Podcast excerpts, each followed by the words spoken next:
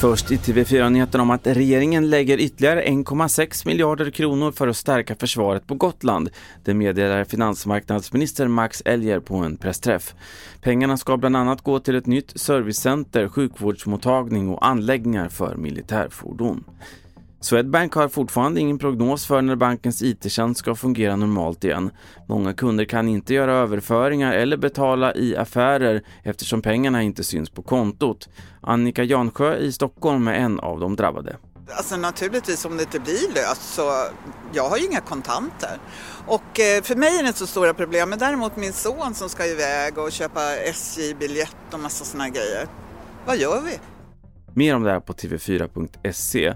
Sist om att Céline Dion ställer in sin planerade spelning på Friends Arena i Stockholm i sommar. Det meddelar konsertarrangören Stockholm Live. Orsaken är att artisten behandlas för svåra muskelspasmer. Nytt datum är den 30 september nästa år och det är tredje gången som konserten flyttas, de två första gångerna på grund av pandemin.